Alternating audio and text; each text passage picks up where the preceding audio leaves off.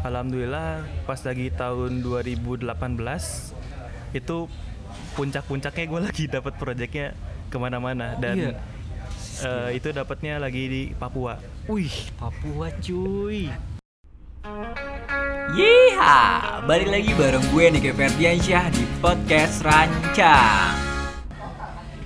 Oke, balik lagi bareng gue Nike Ferdiansyah di podcast Rancang Random Perbincangan. Kali ini gue udah kedatangan seseorang pemuda yang bisa dibilang bocah petualang dari Zimbabwe karena instastorynya tuh selalu berpindah-pindah pulau.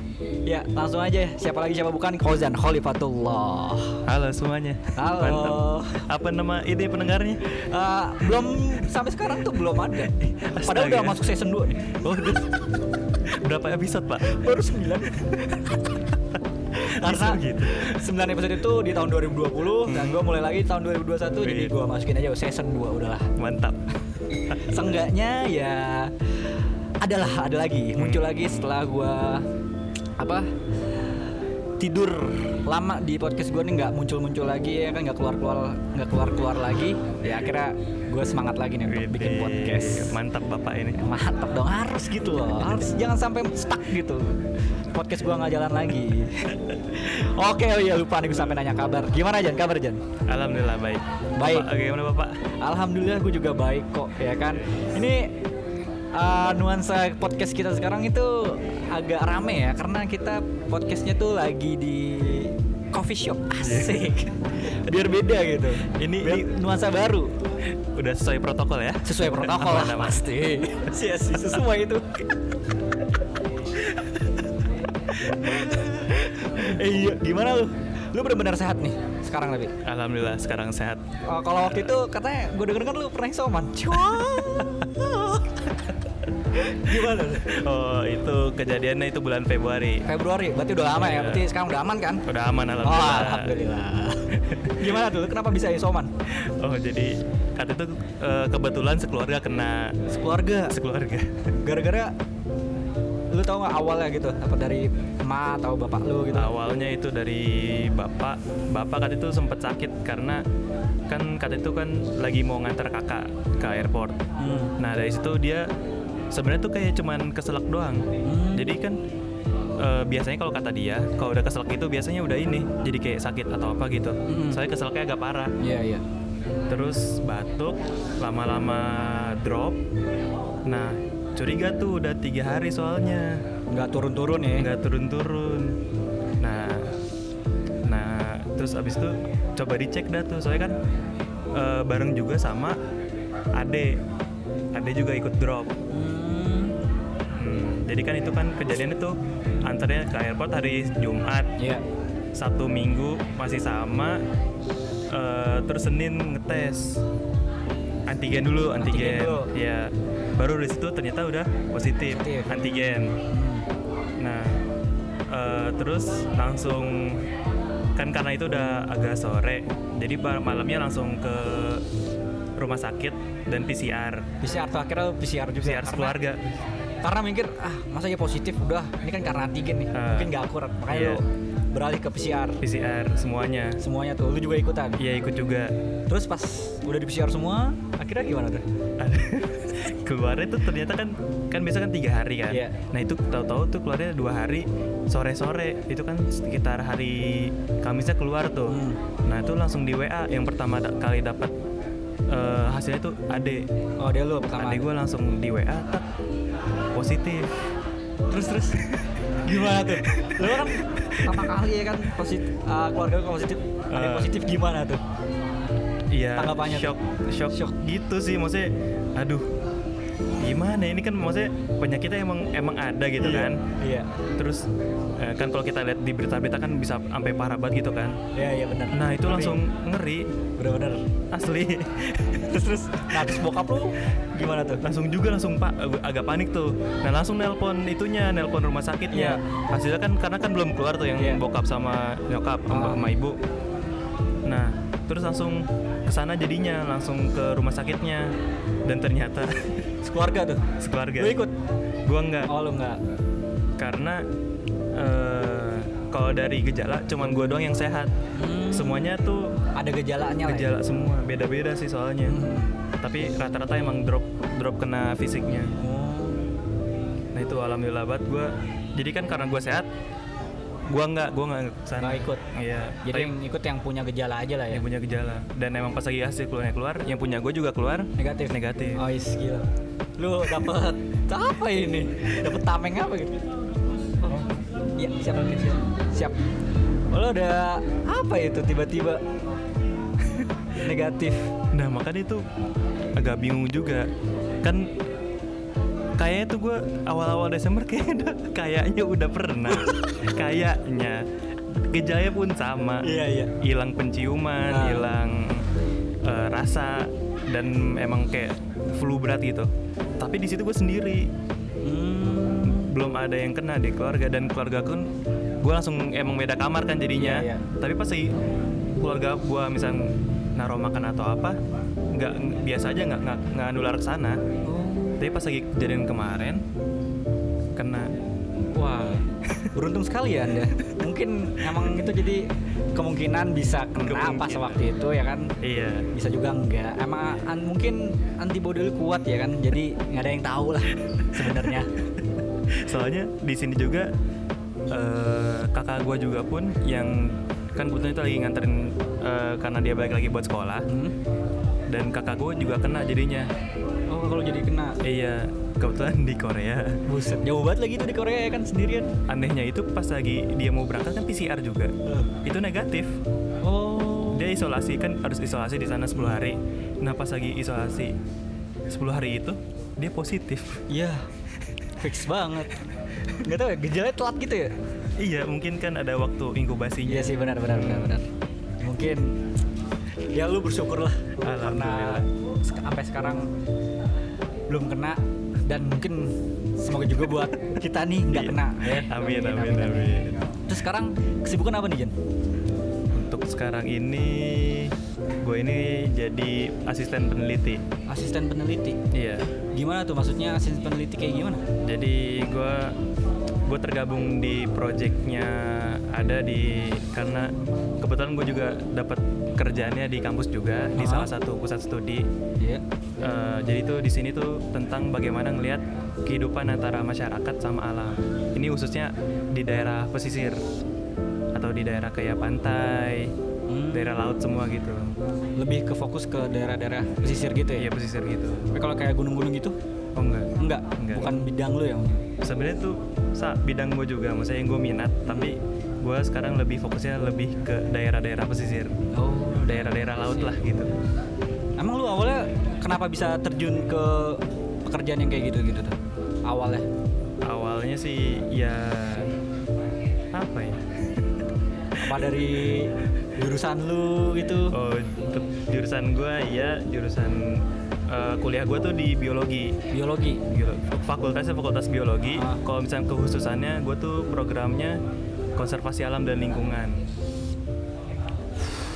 Observasi alam dan lingkungan. iya Jadi lu akhirnya setelah lulus diajak gitu lah ya buat diajak sama Senior. senior, salah satu senior gue karena kebetulan pas Hmm. lagi kan ini kan udah setengah jalan gitu programnya dan pas lagi tahun gue lulus ternyata lagi lagi open recruit apa open Recruitment. recruitment juga beruntung sekali Anda hidupnya selalu beruntung gitu. Gue heran. ya apa ya gue tuh merasa bukan orang yang pintar biasa-biasa aja lah Tapi orang yang beruntung.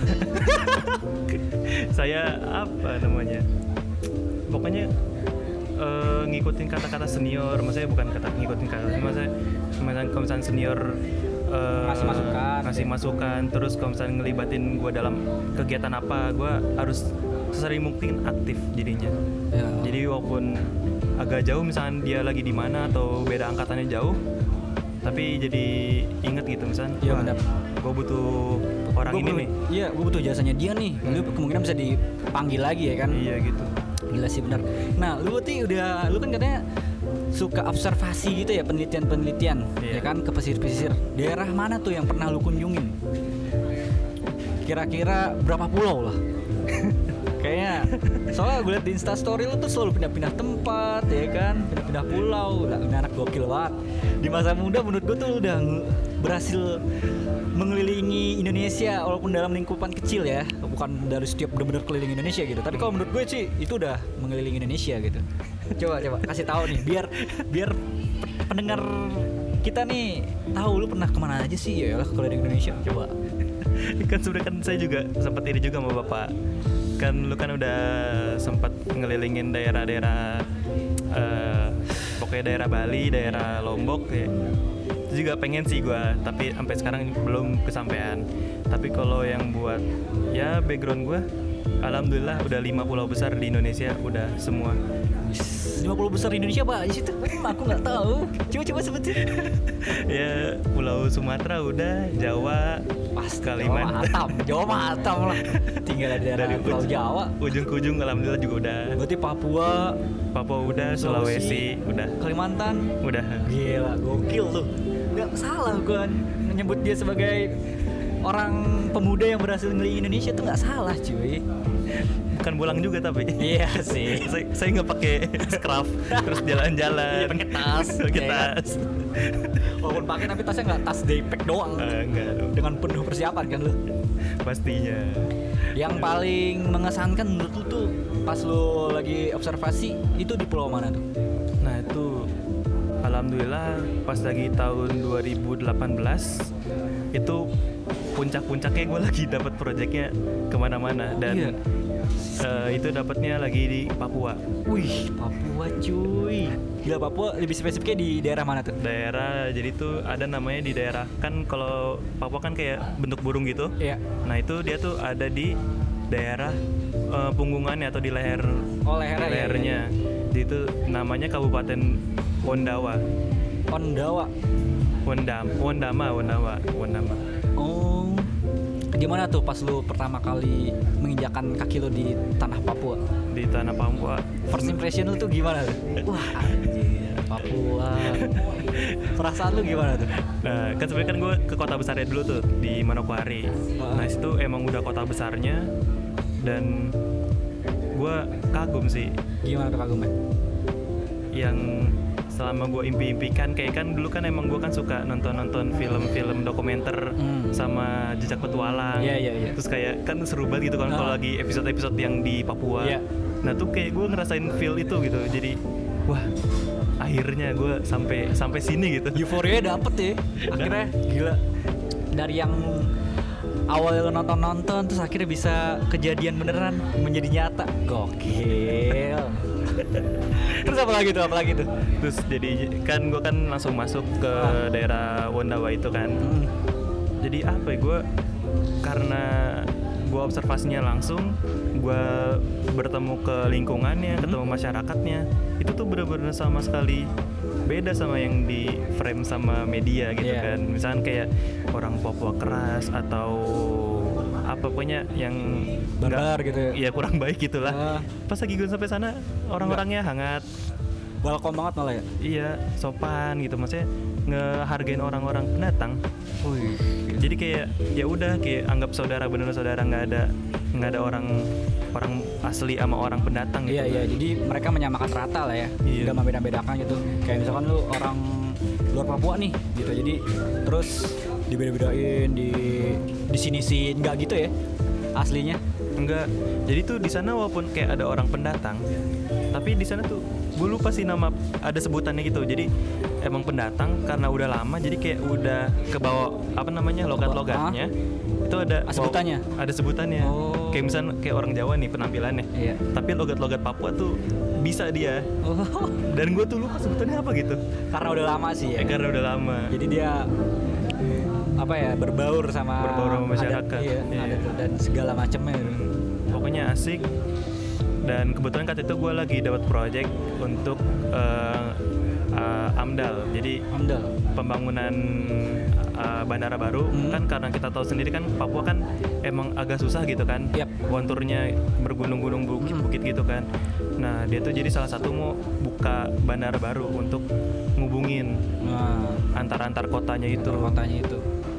Itu bandara besar apa bandara kecil? bandara kecil jadi tuh kalau misalnya lu naik yang pesawat Hmm? lu bisa nepok nepok nepok pilotnya Oh. jadi cuman seatnya tuh cuman 5 5 6 seat Oke pesawat capung gitu gak sih? Eh, Mungkin. kayak misalnya pesawat capung bisa tapi bisa. yang Nah, lagi, lebih ke agak darat gede di- yang agak lagi ya. Iya, iya, paham, paham, paham, paham. pokoknya gokil Terus emang pakaian mereka di sana bener-bener kayak yang di frame di media gitu. Pakai apa sih namanya? koteka Iya, koteka gitu. Nah kalau gue tuh karena mereka mungkin udah lebih ke daerah pesisir gitu ya atau mungkin yang daerah-daerah agak udah mulayan besar, Hmm. jadi itu mereka udah pakai baju. Udah pakai baju. Iya. Oh, oh, mungkin yang pakai koteka itu ya pedalaman mungkin. ya? Pedalaman banget itu. Suka-suka pedalaman. Hmm, dan kalau di situ biasanya orangnya orang-orang yang udah terbuka, yang Oh, open minded gitu. open minded. Maksudnya bukan eh, apa namanya kayak gitu kan, maksudnya sukunya udah nggak terlalu kental banget gitu. Hmm.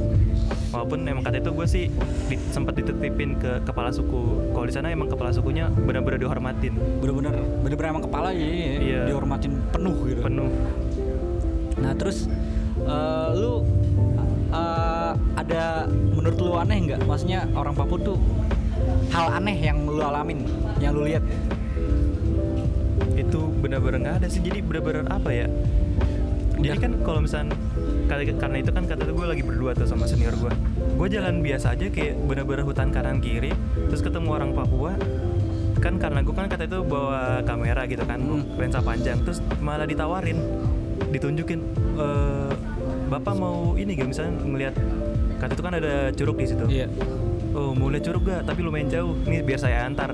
Tapi kan na- karena gue lagi tugas juga kan mungkin jadi gue maaf gitu lagi nggak bisa. Tapi jadi gue informasi ternyata kalau di situ ada tempat-tempat bagusnya juga. Oh gitu. Jadi benar-benar kayak kayak misalnya kayak orang sini kan biasa dipalak atau apa Iya, kan sama iya. orang-orang timur Orang- gitu orang kan. timur. Kalau enggak di sana, di sana enggak. Benar-benar Baik banget ya. baik banget. Gila. Emang berarti ya beda lah orang sana asli sama orang yang ada Papua yang orang timur yang ada di sini. Beda ya, beda mental. tapi emang gokil sih gue sempat ngeliat tingkat itu minum minum minum di depan polsek gokil gokil Emang gokil ya. Ya udah terbuka terbuka itu ya. Sebelah belakangnya itu. depan Mantap, polsek kata gue ih kurang nantangin apa ini Ya mungkin bagi mereka itu hal yang wajar mungkin karena kan beda apa mungkin ya gue juga Iya. nggak tahu juga gitu. Mungkin hal yang lumrah gitu soalnya karena kan orang sana kuat-kuat ya kan fisiknya. iya oh. Mungkin bagi mereka itu air putih biasa. gila Tapi ngomong-ngomong lo kan berarti kan beroperasi kan pakai HP gitu, tapi sinyal aman. sinyal nah itu tuh kata itu gue emang agak susah sinyal Ah. untuk daerah-daerah ke- masuk ke kampungnya Heeh. tapi karena gue kan nginepnya di bandara kata itu dikasih nginepnya di bandara Hmm. nah di situ ada jaringan juga lumayan kenceng dan ada wifi-nya juga. Uh, jadi kalau misalnya ada tuh ada spot-spotnya. Jadi kalau misalnya udah sore atau malam ada orang ngumpul orang-orang sana yang ngumpul. Oh, Ng- gitu. ngom- apa ngambil-ngambilin wifi-nya. Iya iya iya iya. Ya, eh, jadi sebelumnya gue mau mohon maaf dulu nih ya sama para pendengar karena tadi sedikit terpotong gara-gara kita diusir sama coffee shopnya. Padahal baru jam berapa gitu. Padahal pemerintah juga udah ngizinin sampai jam 11 gitu. Gue heran aja gitu. Iya, protokol apa protokol Oh, karena protokol kali ya. Protokol. Protokol dia sangat ketat banget mungkin ya. Jadi sampai jam 9 harus tutup, tutup bener-bener tutup. Gak boleh ada orang di situ. Gak ada keringanan gitu. antara protokol sama males Iya, kayaknya mungkin males mungkin karena ke mana-mana gue pengen tidur. Kerjanya males-males itu. Itu nggak kita mention nama coffee shop. eh, eh. jangan jangan bahaya Oke, lanjut lagi tadi Oh. terakhir sampai di omongan di daerah Papua masih ada sinyal. Ya kan? Ada, ada. Ya, ya kan? Ah, Terakhir iya. di situ. Ngomongin masalah sinyal, kalau masalah teknologi di situ dia gimana tuh? Nah, kalau di sana tuh apa namanya? Listrik emang udah ada, tapi mungkin kalau yang buat kayak sampai sempet kata itu gua kan sama ditemenin sama orang lokalnya kan, jadi Iya. jadi kayak kalau bahasa Papua kayak kayak anak. Eh, soalnya ada Nggak. eh, anak, Anak. Eh, bocah ya bocah gitu lah ya kalau di sini Iya, ya. anak. Ngapain kau jauh-jauh dari Jakarta ke Papua untuk lihat-lihat burung? Biar eh, saya saja yang kirimkan burung cendrawasih ke Jakarta, tapi nanti apa anak kirimkan saya laptop Buset. se itu sepengen itu Sama teknologi ya. Iya. Mungkin memang anjir loh cendrawasih cuy. burung itu dia burung yang dilindungi kan? iya dilindungi bagus Iya gila sampai nekat buat nuker mungkin emang sekurang itu kali ya eh, teknologi di sana gitu. Iya. Nggak apa nggak menyebar secara rata gitu. Jadi ya mereka sampai rela gitu. pengen banget gitu sampai apa ya maksudnya di satu sisi maksudnya aduh kok sampai mengorbankan begini Ah. tapi di sisi lain mereka ternyata kebutuhan kebutuhannya lagi butuh ini ternyata Iya. buat ngikutin kemajuan Iya, teknologi benar. Nah, itu PR-nya mungkin untuk para pemerintah gitu. Tolong dong diperhatiin, sama ratakan gitu loh. Sama sampai penduduk lokal sana merelakan burung cendrawasih yang dilindungi untuk ditukar laptop. Laptop juga paling harganya nggak semahal burung cendrawasih kalau bener-bener dijual ya. Anjir loh, cendrawasih itu langka udah termasuk hewan yang dilindungi gitu. Sampai segitunya. Jadi tolonglah untuk misalkan suatu saatnya ada yang pemerintah yang denger, tolonglah diberikan gitu beberapa aset laptop atau teknologi-teknologi yang lainnya gitu biar rata biar mereka merasakan gitu loh. Bener kan? Iya, tumben. isinya berat sekali ini. Lu apa nasihatin pemerintah? Padahal tidak didengar. Iya tidak akan didengar. Aku siapa? Kan bukan siapa-siapa. Berat berat berat, berat. tumben. Nggak apa-apa lah sekali mah. Oke, lu kan berarti di Papua itu kata lu kan yang paling berkesan. Cuman Iya. ada nggak yang menurut lu duka duka dukanya tuh, duka citanya lah selama lu perjalanan mengelilingi pulau? nah seperti ini juga apa namanya pengalaman juga. Nah, bukan duka juga sih maksudnya jadi uh, pelajaran juga. Jadi ah, sempet gua kan uh, amdal juga lagi tentang pembukaan jalan tol ah, di Padang. Nah itu tuh gua kan lagi dapat bagiannya tuh di daerah uh, sawah sawah sawah warga sawah-sawah warga. Oke, Nah, terus kebetulan karena gua kan gua lagi ngambil uh, burung jadi gue cuma bawa kamera doang sedangkan Ah. senior gua tuh yang bagian uh, tanamannya nah kan kalau di sana kan kayak butuh pakai meteran iya iya. dan alat-alat tinggi itulah padahal mah itu kan standar Standar buat, buat ngukur pohon buat gitu ya. ukur pohon dan ternyata Gimana tuh? ah, Apa? disamperin sama tiga orang sama ibu-ibu gitu Samperin itu maksudnya mereka nyamperin atas hal apa itu? Dengan nada sinis Sinis. iya Udah serem sih. Kalau di daerah orang ya kan. iya eh, Terus terus gimana? disangkanya tuh kayak kita tuh mau apa namanya meterin tanah Mau matokin tanah. mau ya? matok tanah mau aku ngaku tanah. Ini tanah gua nih, makanya gua patok gitu. Eh, jadi jadi diselurusin kita bilang enggak kita dari mahasiswa dari ya standarnya pasti kita bilang mahasiswa itu Iya. yang paling aman lah Iya benar benar. jadi ya dipercayalah Percaya. walaupun wah mahasiswa udah lulus. iya dan tetap dijagain juga jadinya di ujung ujung pokoknya ujung mata gitulah Hmm. tetap diliatin sama Sejauh orang mata memandang pasti ada orangnya yang lagi Ada memantau orang. ya. iya pasti jadi nggak tenang ya. iya nggak tenang dan ternyata di, gue diceritain nama senior gue yang di situ Hmm. yang ngerekrut gue ternyata sebelumnya tuh kan emang dia kan udah survei awal Ah, dia dihadang kan lagi kita tuh lagi naik mobil Hmm. berempat itu sama drivernya Iya. dihadang satu kampung buset satu kampung anjir nggak main-main loh. Dihadangnya sama satu kampung bukan sama seorang sama tiga orang lagi. Sekampung cuy. itu udah udah udah siap itu kayak baku baku Baku, baku, baku hantam udah. Uh, hantam. kalau udah baku hantam habis senior. dan Udah. ada ada eh, ada ya sama-sama staffnya dari kantornya itu dia yang nenangin karena kan sama-sama orang tua jadi Hmm. dia yang jelasin ke orang-orang kampungnya itu Iya. Dikasih penjelasan, nah, akhirnya tapi paham kan? paham jadinya Pada akhirnya sih untung paham. Ya, Kalau banyak. nggak paham habis lu. Bakar.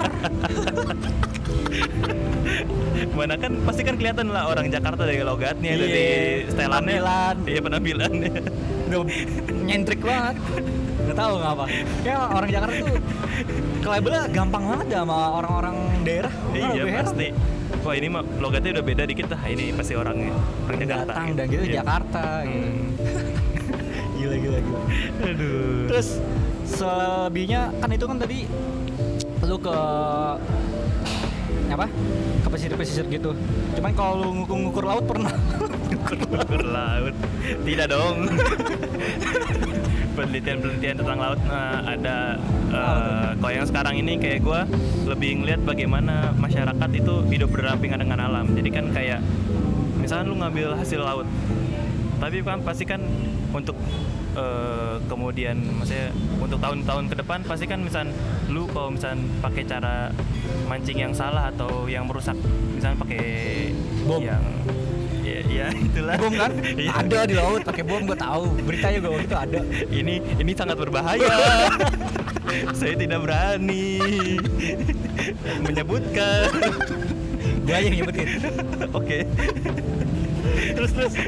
Ya kan merusak merusak Iya. terumbu karang. Iya kan? merusak itu. Jadi kan apa namanya eh, untuk untuk ke generasi-generasi berikutnya kan kasihan. Iya merusak ekosistem. Merusak ekosistem. Jadi pasti kan generasi-generasi kan pasti kalau nelayan gitu kan ya pasti kan ada apa generasi baru dari anak-anaknya gitu kan kalau misalnya udah rusak terus mereka mau gimana cara ngambil hasilnya Jadi nggak berjangka panjang gitu ya Iya, jangka- jangka asetnya. panjang. Jadi nggak dirawat. Pentingnya itu emang merawat alam ya supaya bisa apa ya bisa dipakai terus Hmm. selagi ada gitu nggak nggak ada nggak ada batas waktunya gitu. Nggak ada Tapi kalau misalkan nangkapnya secara barbar ya lama kelamaan pasti bakal habis lah, Iya kan? Pasti. Habis. Lautnya tinggal air doang. pokoknya banyak pengalaman apa namanya kayak kan kalau kita kan kalau gue sebagai peneliti ya emang harus jujur Hmm, Eh, salah boleh bohong nggak boleh bohong jangan iyalah. jadi kan kalau misalnya kayak gue misalnya eh, ngambil-ngambil data atau Ah. itu buat ya amdal itu yang analisis buat izin izin perizinan gitu buat Iya. bangun apakah kayak misalnya gue kan pernah di Pulau Seri apa Pulau Reklamasi juga Pulau Seribu kan? Di, ke, Pulau Reklamasi yang di daerah Pik Iya daerah daerah situlah daerah Jakarta kan. Iya. Kenapa tuh? jadi kalau apa ya kalau baik warga-warga yang tidak setuju Hah? tapi kan saya kan ngambil data di sana Iya terus terus gimana? Kan banyak lu. Memang warga Jakarta banyak ada yang nolak-nolak tuh. Eh. batalkan, batalkan reklamasi. Hmm. Tapi kalau menurut pandangan lu gimana tuh? kalau menurut gua karena ini kan sebenarnya kan bukan project project baru dia tuh Hmm. dari tahun 90-an emang udah ada dan kalau misalnya lu lihat langsung ke Teluk Jakarta juga apa yang mau diambil nggak ada maksudnya emang udah hancur udah lama Oh. maksudnya nggak hancur banget itu masih bisa bisa recovery tapi butuh waktu yang lama Iya, kan iya. Teluk Jakarta itu kan muara dari 13 sungai yang lu tahu sendiri kan isinya sampah Benar-benar. polusi-polusi Airnya hitam. air hitam Keruh banget keruh anjing. jadi apa maksudnya penting mah gue sebagai eh, penelitinya Hah? jujur buat menyampaikan hasilnya tapi tidak tahu sampai, Sampai- perusahaannya Gak tahu udah sampai pusatnya gimana tuh. Apakah diubah atau enggak ya? Lu alam lah. Allah. Berarti lu setuju lah ya misalkan reklamasi berlanjut.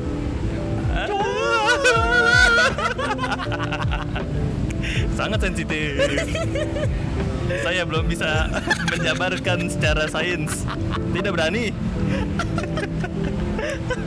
ya udah. Ngomongin kan lu karena sering kerja di pesisir atau di, Iya. di daerah-daerah laut. Hmm. Cuman lu pernah nggak uh, nyelam-nyelam gitu? nyelam pasti Pasti itu lu kalau Iya. misalnya nyelam kerjaan lu ngapain? Ah itu masih menyangkut dalam pekerjaan kan? iya masih dalamnya Nah, misalnya lu nyelam itu yang dikerjain apa ya? Tugas lu di, di Eh, pas lu nyelam gitu. oh, karena kan gue basicnya itu tentang terumbu karang Ah, terumbu karang itu jadi eh, tapi lu tahu kan terumbu karang itu apa hewan atau tumbuhan hewan. Eh, Iya benar. Bener kan? ya, gue bener. Gue gini-gini juga walaupun gue bukan anak IPA. Seenggaknya gue tahu basicnya anjir. saya mau ngetes. Boleh, boleh dites tapi ya terjawab kan? Iya. gimana gimana? Jadi eh, sering lihat bagaimana kondisi terumbu karangnya di daerah tertentu, apa daerah-daerah yang dikunjungin. Hmm. Kalau karena sekarang sih gue untuk sebenarnya sih yang kalau buat nyelam ini gue termasuk agak jarang karena gue emang biasa biasa kalau amdal itu gue lebih sering dipanggilnya tuh lebih ke burung Oh, ke burung. Iya, tapi kalau misalnya yang kayak proyek-proyek selam itu juga iya dan gua basicnya itu ada di terumbu karang. Jadi ngeliat kerusakannya eh, ada perubahan nggak misalnya dulunya misalnya dia luas banget gitu. Iya, iya. Tahu-tahu pas lagi dilihat tahun sekarang udah Mengecil, rusak, iya. mengecil, rusak. Itu karena sebabnya gara-gara apa tuh biasanya? Terumbu karang yang tadinya besar, Hmm. terus semakin tahun semakin kecil tuh gara-gara kenapa? Itu banyak faktornya. Jadi ada faktor alam juga, ada ya faktor kerusakan Manusia. dari manusianya. Sebenarnya konservasi ini tuh bukan bukan apa ya pasti kan se- semua ini pasti hancur kan Betul. ya kiamat pasti ada Pasti ada. punah pasti ada Terus punah juga pasti ada. nah itu konservasi hadir cuman untuk menahan jadi bukan pasti pasti nggak akan punah semua itu pasti akan Iya, punah benar. tapi cuman bagaimana caranya buat memperlambat itu Iya, semua memperlambat ya benar-benar. Jadi kalau faktor itu jadi faktor alam juga ada yang kayak dari pemutihan karang gitu gara-gara eh, global warming juga sih Pemutihan karang karangnya diputihin. Dika- di- dikasih baiklin pak Maka kalau pemutihan karang, terumbu karang itu masih diapain? jadi itu eh, kan sebenarnya kan karang itu kan cuman cuman tulang lah istilahnya Iya. nah itu kan sebenarnya ada baik-baik hewan kecilnya di situ yang nyangkut apa yang di hidup di situ yang hidup di terumbu karang. Nah, terus karena udah terlalu asam, udah terlalu panas, misalnya cuma naik satu derajat aja itu bisa berpengaruh. Oh. Jadi tuh hewan-hewannya nggak betah. Jadi tuh Pindah. hewan-hewannya pindah, cuma disisain tulangnya itu doang. Nah tulangnya itu kayak biasa kan warna putih. Hmm. Itu yang ngebuat jadi namanya Pemutihan. karang. Oh, itu yang bisa gitu. bikin bencana. Kan karena lu tahu sendiri kan pasti di terumbu karang itu banyak ikan, banyak hewan-hewan lain gitu. Ya yang bertahan hidup Yang sama. bertahan hidup sana. Kalau misalnya karangnya hancur mati, Begitupun juga hewan yang hidup di sana. Nah iya. Gila. Cerdas kan gue. Subhanallah. Nah ngomongin masalah nyelam tadi kan lu katanya melihat terumbu karang. Lu pernah Hmm. nyelam itu seberapa dalam? Ini konyol, Pak. Gimana kok bisa konyol? Aduh, kan sebenarnya kan eh, kalau gue itu kan masih basic, masih yang Newbie lah. Newbie. Nah. Nah, untuk eh, izinnya cuman 10 sampai 15 meter. 10 sampai 15 meter. Wow. Itu padahal udah lumayan cukup dalam ya, 15 meter. Cuman masih dihitungnya newbie gila. Masih newbie. Tapi karena kan itu gue ikut acara Jambore penyelam mahasiswa Hah? dan isinya mahasiswa mahasiswa semua Hah? yang kalau bisa dibilang ya sotoy dan itulah Sotoy dan kepo gitu. Kepo. terus terus. nah itu eh, itu juga emang agak salah koordinasi jadinya gue turun sampai 25 meter Buset. dan tidak ada apa-apa pasir semua Itu di laut. itu di laut Gila. 25 meter cuy anjing. Lu nyelam pakai apa tuh? pakai alatnya Pakai alat. pakai tabung pakai ada namanya BCD yang buat eh, nyangkutinnya itu Tapi setelah lu kan kata lu nyelam sampai 25 meter. Ngerasa gimana? Tekanannya makin ini enggak? Kerasa nggak? nah kalau sebenarnya tuh kalau kita tuh semakin turun makin ke dalam tuh tekanan airnya tuh makin besar Ya kan makin makin ketekan kan? makin ketekan. Nah, tapi kalau gue tuh emang ada cara-caranya sendiri. Jadi cara beda beda sih. Tapi umumnya tuh kayak kita tuh yang nahan hidung, yang nahan napas di dikeluarin yang apa namanya? Oh, misalnya kita bindeng nih. Iya. Terus kan biasanya tutup ngeluarin hidung. apa ya? Maksudnya kita keluar dari bindeng itu kan tiup Nah, apa niup di hidung tapi hidungnya ditutup. Nah, Biar iya, keluar ditahan. dari telinga kan? hmm, Oh kayak gitu caranya. gitu. Nah, tapi kalau gue emang agak cara beda. Kadang-kadang gue nelen ludah atau giginya gue gerak-gerakin. Oh ngaruh gigi gerak-gerak. Kalau buat gue ngaruh. Si ngaruh gigi gerak-gerak. Bisa memperkuat daya tahan lu di dalam kedalaman air air, laut. tapi emang ngaruh. ngaruh, ngaruh banget. Jadi kalau kita kan pelong biasanya kan biasa di- emang tekanan di kuping. Iya, Itu emang kuping sakit kan- banget. Iya. Sakit. Nah itu yang bahaya kalau misalnya kita nggak bisa itu tuh bisa beresiko juga. Nah resikonya tuh misalkan kita nih nggak nggak kayak istilah gue lah gue kan nggak begitu paham tentang penyelaman seberapa Hmm. dalam tuh tekniknya kayak gimana aja itu yang bakal terjadi sama gue apa tuh apakah kepala gue pecah Bisa mata pecah, Iya. bisa kuping kuping gedang telinga pecah. Itu karena kan beda tekanan. Misalkan eh, misalnya lu turun terlalu cepat. Hmm. Iya. Sedangkan kalau tahu sendiri kan laut itu kan pasti punya tekanan yang berbeda kan karena Iya, air kan. kalau berenang bisa Iya, sangat berbeda dong. Jangan dibandingkan. Iya,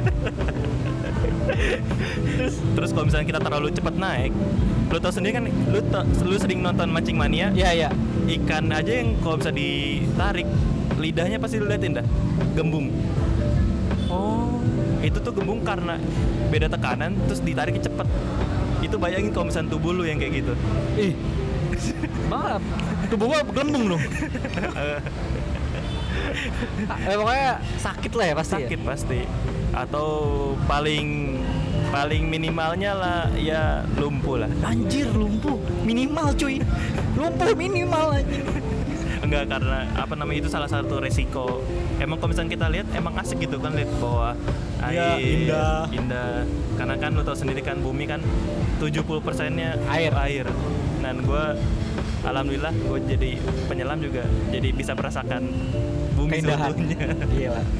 Gue pengen deh jadi penyelam. Pengen teman. Duitnya nggak ada. Mahal anjing ya kan? tidak untuk mahasiswa ada paketnya santai Gimana tuh? Buat nih, kali aja pendengar kan ada yang pengen belajar nyelam gitu, caranya gimana gitu. Buat bisa gitu. Oh, mungkin nanti aduh. Eh, kan kalau gua kan karena emang bergabung di UKM UKM fakultas bukan kampus. Hmm. Eh, jadi itu bisa nanti ada sih eh, tapi belum belum ada programnya buat orang luar. Mungkin nanti bisa. Oh, Ya itu kan lah lu harus bikin lah biar orang lu bisa merasakan aja jangan orang dalam mulu aja. Nah, itu juga karena kan gua kan di kampus itu kan gue ikut ikut tiga UKM Bus. dari lima UKM. Mantap, hampir semuanya. 75% diikutin. makanya nih buat ya kalau misalnya lu nanya lu ke mana aja Jan atau misalnya mau ngajakin futsal ya itu gue iya, ini dia nih orang ya susah banget nih kalau misalkan waktu itu ya sekarang mah udah mendingan lah. Waktu itu di zaman zaman ya baru-baru lulus kuliah lah atau zaman kuliah juga bocah diajakin nongkrong susah bener ini. Alasannya pelantikan cuy. Nggak tahu lah bener apa kagak. Heran gue juga. Tiap hari saben hari terus pelantikan mulu kagak pegel apa tuh. Mental. Saya ngomel-ngomelin ya dong. Oh gila gila senior senior ngomel-ngomelin. Enggak bukan kakak-kakak gitu gue bukan lu kakak yang baik baik yang mengayomi ya enggak juga sih Lu mah orang yang cuek kali. ya gitu lah pokoknya jadinya emang waktu gue jadi banyak buat kegiatan-kegiatan itu jadi kan lu tau sendiri kan pasti kan buat eh, buat pelantikan banyak jenjang-jenjangnya Iya. gitu dan gue ikut di tiga makanya gue nggak bisa Padat sekali ya. Ikut tiga ya, baru tiga udah padat banget tuh. Jadi begitu pak ceritanya Oke. Itu pokoknya seputar lu setelah mengelilingi Indonesia lah ya. iya pak Tapi ada nggak eh, satu destinasi yang pengen lu eh ke sana tapi belum sampai sampai sekarang? nah untuk nah saya kan sebenarnya kan tadi kan saya bilang kan Apa tuh? yang gue bilang gue pengen ikutin yang lu pernah Oh. ke daerah-daerah sana Oh lu pengen ke situ sebenarnya? ke situ. Lu belum pernah jadi ke sana? Belum. Kasihan deh. belum ada dananya belum ada proyekan yang ke sana Tapi proyekan lu gila-gila cuy langsung ke Papua, langsung Kalimantan. Itu gokil lah. Sengaja udah mengelilingi pulau lima pulau besar di Indonesia. kalau kalau di Kalimantan tuh kebetulan gue bukan project lebih ke liburan. pertukaran pelajar Oh. jadi gue di ada namanya kalau di kampus gue karena dia punya stasiun penelitian jadi benar-benar punya tempat yang buat eh, Khusus penelitian. iya khusus penelitian mahasiswa mahasiswanya Hah? dan itu kerjasama sama dari Aus- eh, Amerika nah gue iya gue jadi pertukaran pelajar di situ gue dari Indonesia itu berlima sama teman-teman gue nah terus kalau yang dari Amerikanya itu sekitar 15 orang Nice. Lu bisa bahasa Inggris? tidak si bisa tuh bahasa Inggris aja. Gak bisa bahasa Inggris. jadi di sana gue seminggu bahasa isyarat eh Allah mau makan. Kan tunjuk tangan ya kan. Terus mau minum, ya tinggal tunjuk-tunjuk minum. Iya, minum. Iya, iya. Makanya sedihnya gue nggak bisa bahasa Inggris Penting ya, pentingnya itu bahasa Penting. Inggris. Makanya jangan sampai nggak bisa bahasa Inggris.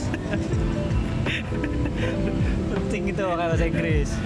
Nah, dari udah gue dengar cerita lu kan berarti kan lu ke pergi ke pulau-pulau besar gitu ya kan itu kan pasti kan banyak ketemu orang nah sedangkan yang gue kenal kan kita pernah satu sekolah juga. Itu adalah orang yang pendiam.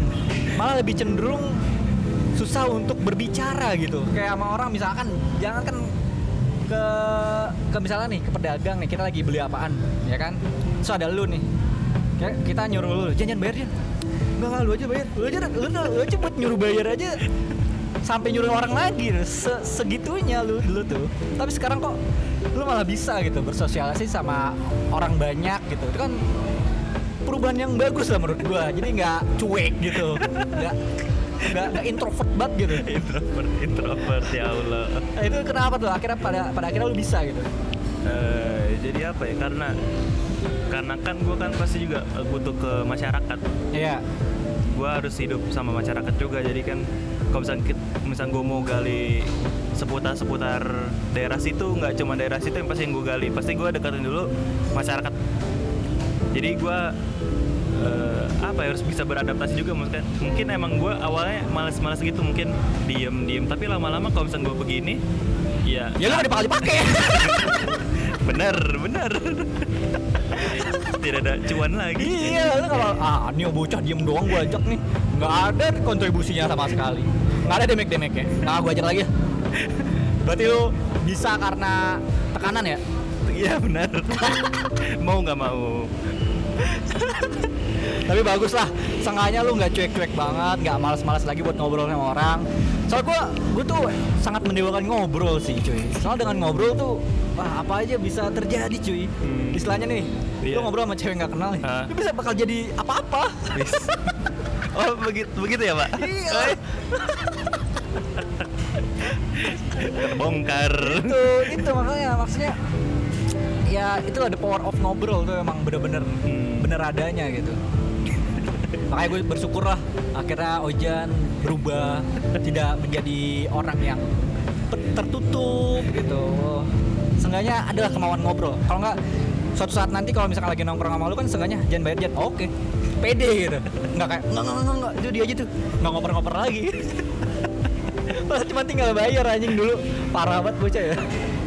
Mungkin. Ya begitulah aduh. Apalagi kan lu tahu sendiri kan gue ya pas lagi waktu SMA-nya gue di kelas IPA Iya. yang mayoritasnya perempuan. Sebenarnya enak lah mayoritas perempuan lu lu sebagai lelaki itu harus menonjol. Hmm, kan emang menonjol sih.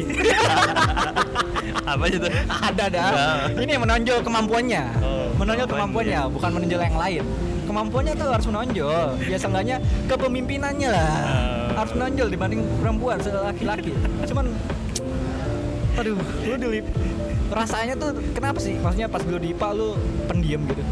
Sampai-sampai lu ngobrol sama cewek aja kayak jarang lu ya? Sangat jarang. Go. apa yang yang lu males?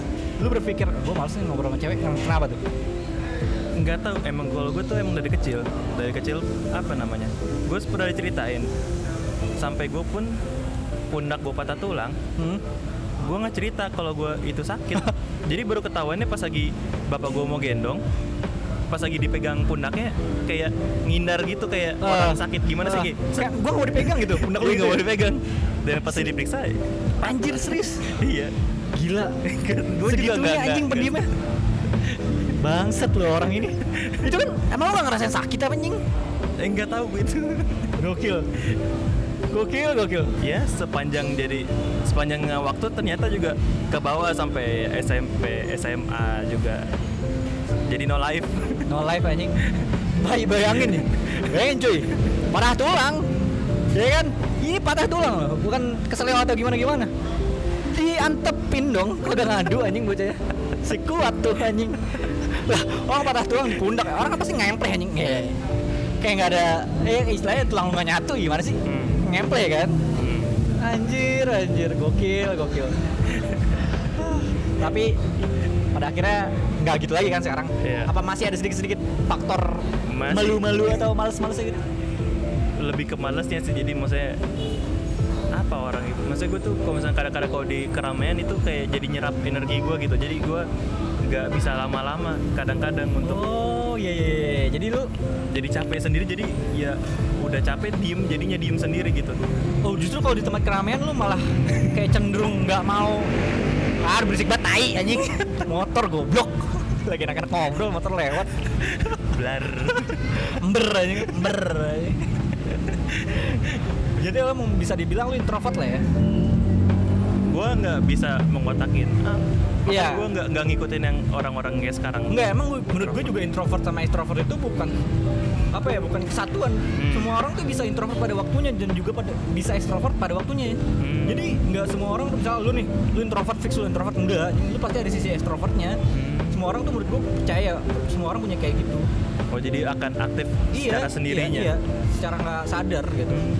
Cuman ya ada yang lebih tergantung dominan ke mana.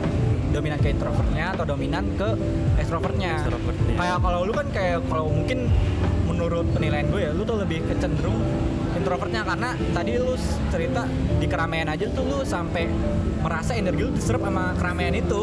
Ya, oh. Si ngerti tuh anjing. Ada aura-aura, aduh anjing serem. Keserap. Oh, keserap keramaian. Keserap dan keramaian auraku anjing. Jadi lemes anjing. si, Serap. si ngerti anjing ngomongin aura-aura bangsat.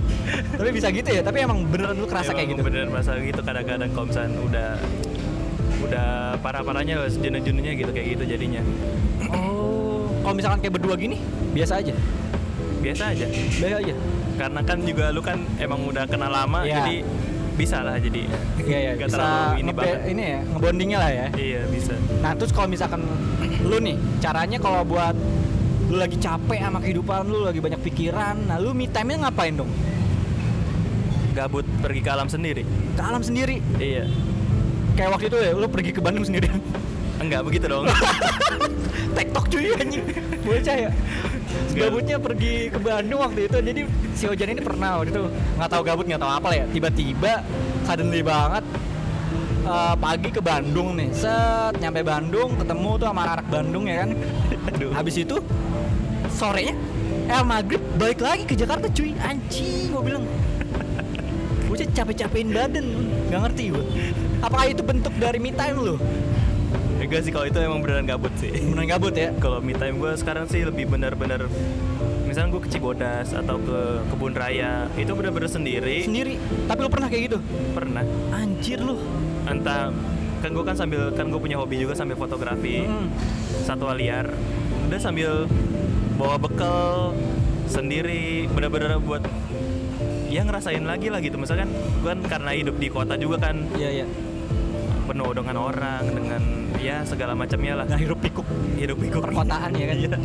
dan gue larinya kadang-kadang begitu sih.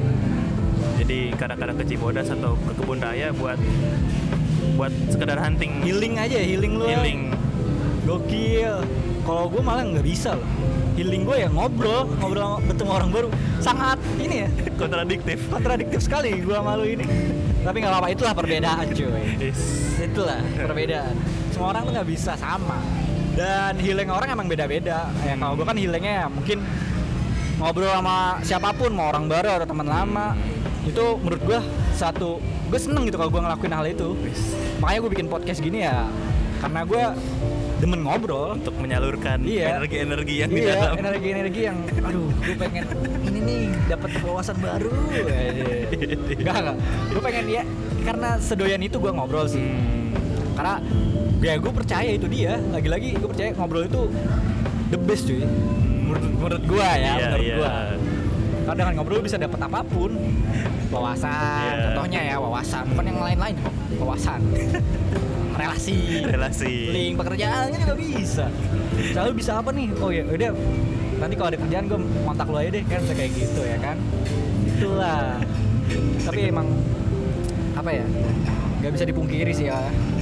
Healing orang beda-beda. Hmm. mungkin ada juga yang serupa sama lu bisa jadi kan karena pasti kan orang kan kayak lu kan juga beda-beda kan. Mm. kayak mungkin gua kalau misalnya kayak dulu nggak akan bisa kayak gini juga. Iya lu kalau misalnya lu nih dulu nih mungkin nggak kerja di bagian observasi atau peneliti kayaknya lu nggak bakal deh bisa gua aja ngobrol kayak gini.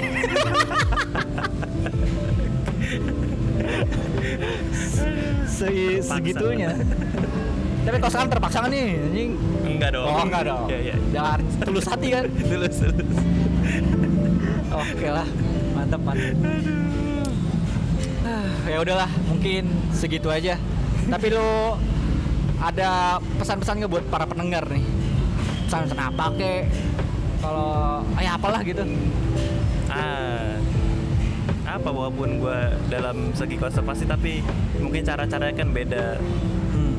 Gue nggak bisa se ekstrim seperti orang-orang yang buat dokumenter itu Iya.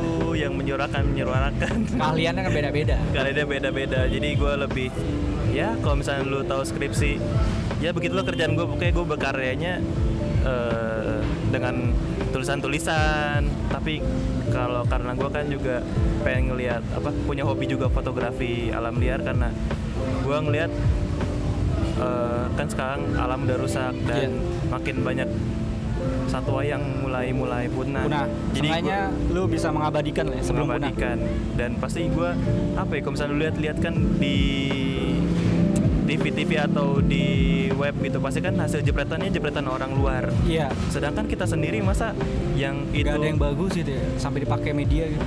nah iya maksudnya itu kan punya kita tapi kenapa nggak ada yang ngolah gitu Itu sebentuk kita sendiri bentuk keresahan lu ya dia. iya makanya gue sering foto-foto buat dokumentasiin Alam Dan- dan hewan yang pengen punah. Ah enggak, semuanya ya. semuanya Semuanya. Tapi untuk ke depannya lu tuh berpikir lu pengen, pengen jadi apa sih? wah Mantap ya obrolan gue. Saya ingin hidup tenang menjadi PNS. PNS adalah jalan untuk aman. aman. Benar, benar, benar aman. Gue juga pengen sih, pengen jadi PNS. Hidup PNS, hidup tenang dan aman. Walaupun nggak kaya tapi aman. Menantu idaman. Iya bener. Menantu idaman dan juga hidup aman. hidup aman. Moto PNS emang seperti itu. Bangsat motor. Blok. Kasar. boleh di podcast gue ini dulu nih, gue stopin kali ya untuk next ya. Next. Oke lah, mungkin dicukupkan aja. Udah mau hampir sejam anjir ngobrol nggak kerasa ya. Gila-gila. Thank you banget udah berbagi ceritanya untuk Fauzan Khalifatullah. Semoga lu semakin sukses ke depannya, semoga Amin. lancar terus kerjaannya ya kan. Amin. Ya pokoknya yang baik-baik dah. Bapak Oke. juga. Semoga ini banyak yang mendengarkan. Amin. Ya gue Eh, sih konten-konten di IG Anda semakin banyak amin, penggemarnya. amin, amin. Walaupun sebenarnya orientasi gue nggak nggak tentang banyak yang lihat atau tentang banyak yang denger. Gue bikin ya bikin aja ya karena gue suka. Hmm, Selebihnya ya nyalurkan. Ah, selebihnya ya cuman bonus aja lah kalau misalkan emang rame gitu. Bonus, gua nggak bonus. Ya pokoknya kalau lu pengen berkarya, mulai aja dulu. Seenggaknya ada yang bisa lu ceritain nanti. Anjir, gila bahasa gue berat banget cuy. seorang Andika Ferdiansyah yang biasa cengas-cengis bisa buat quotes quotes Anjir. Hidup itu harus dijalanin, bukan dijadiin keluhan. Gila ada quotes, quotes. Enggak, anjing hidup itu nggak butuh quotes kalau gua. oh, butuhnya Iya betul dijalanin aja udah nggak usah banyak pikiran selagi ada peluang jalanin jalanin jalanin jalan jalan jalanin ya kan udah lu paling bener kayak gitulah. Oke. Oke siap. Terima kasih bapak. Oke terima kasih juga untuk Fauzan Khalifatullah. Sehat-sehat terus. Oke untuk gua Andika Ferdiansyah pamit dan Fauzan Alifatullah pamit. Sekian dari kita. Semoga ada manfaatnya. Kalau enggak ya ya udah nggak apa-apa. Gua gua nggak mikirin manfaatnya. Yang penting gua ngobrol aja. Udah ya? Segitu dulu oke? Bye bye untuk para pendengar rancang random perbincangan. Bye bye dah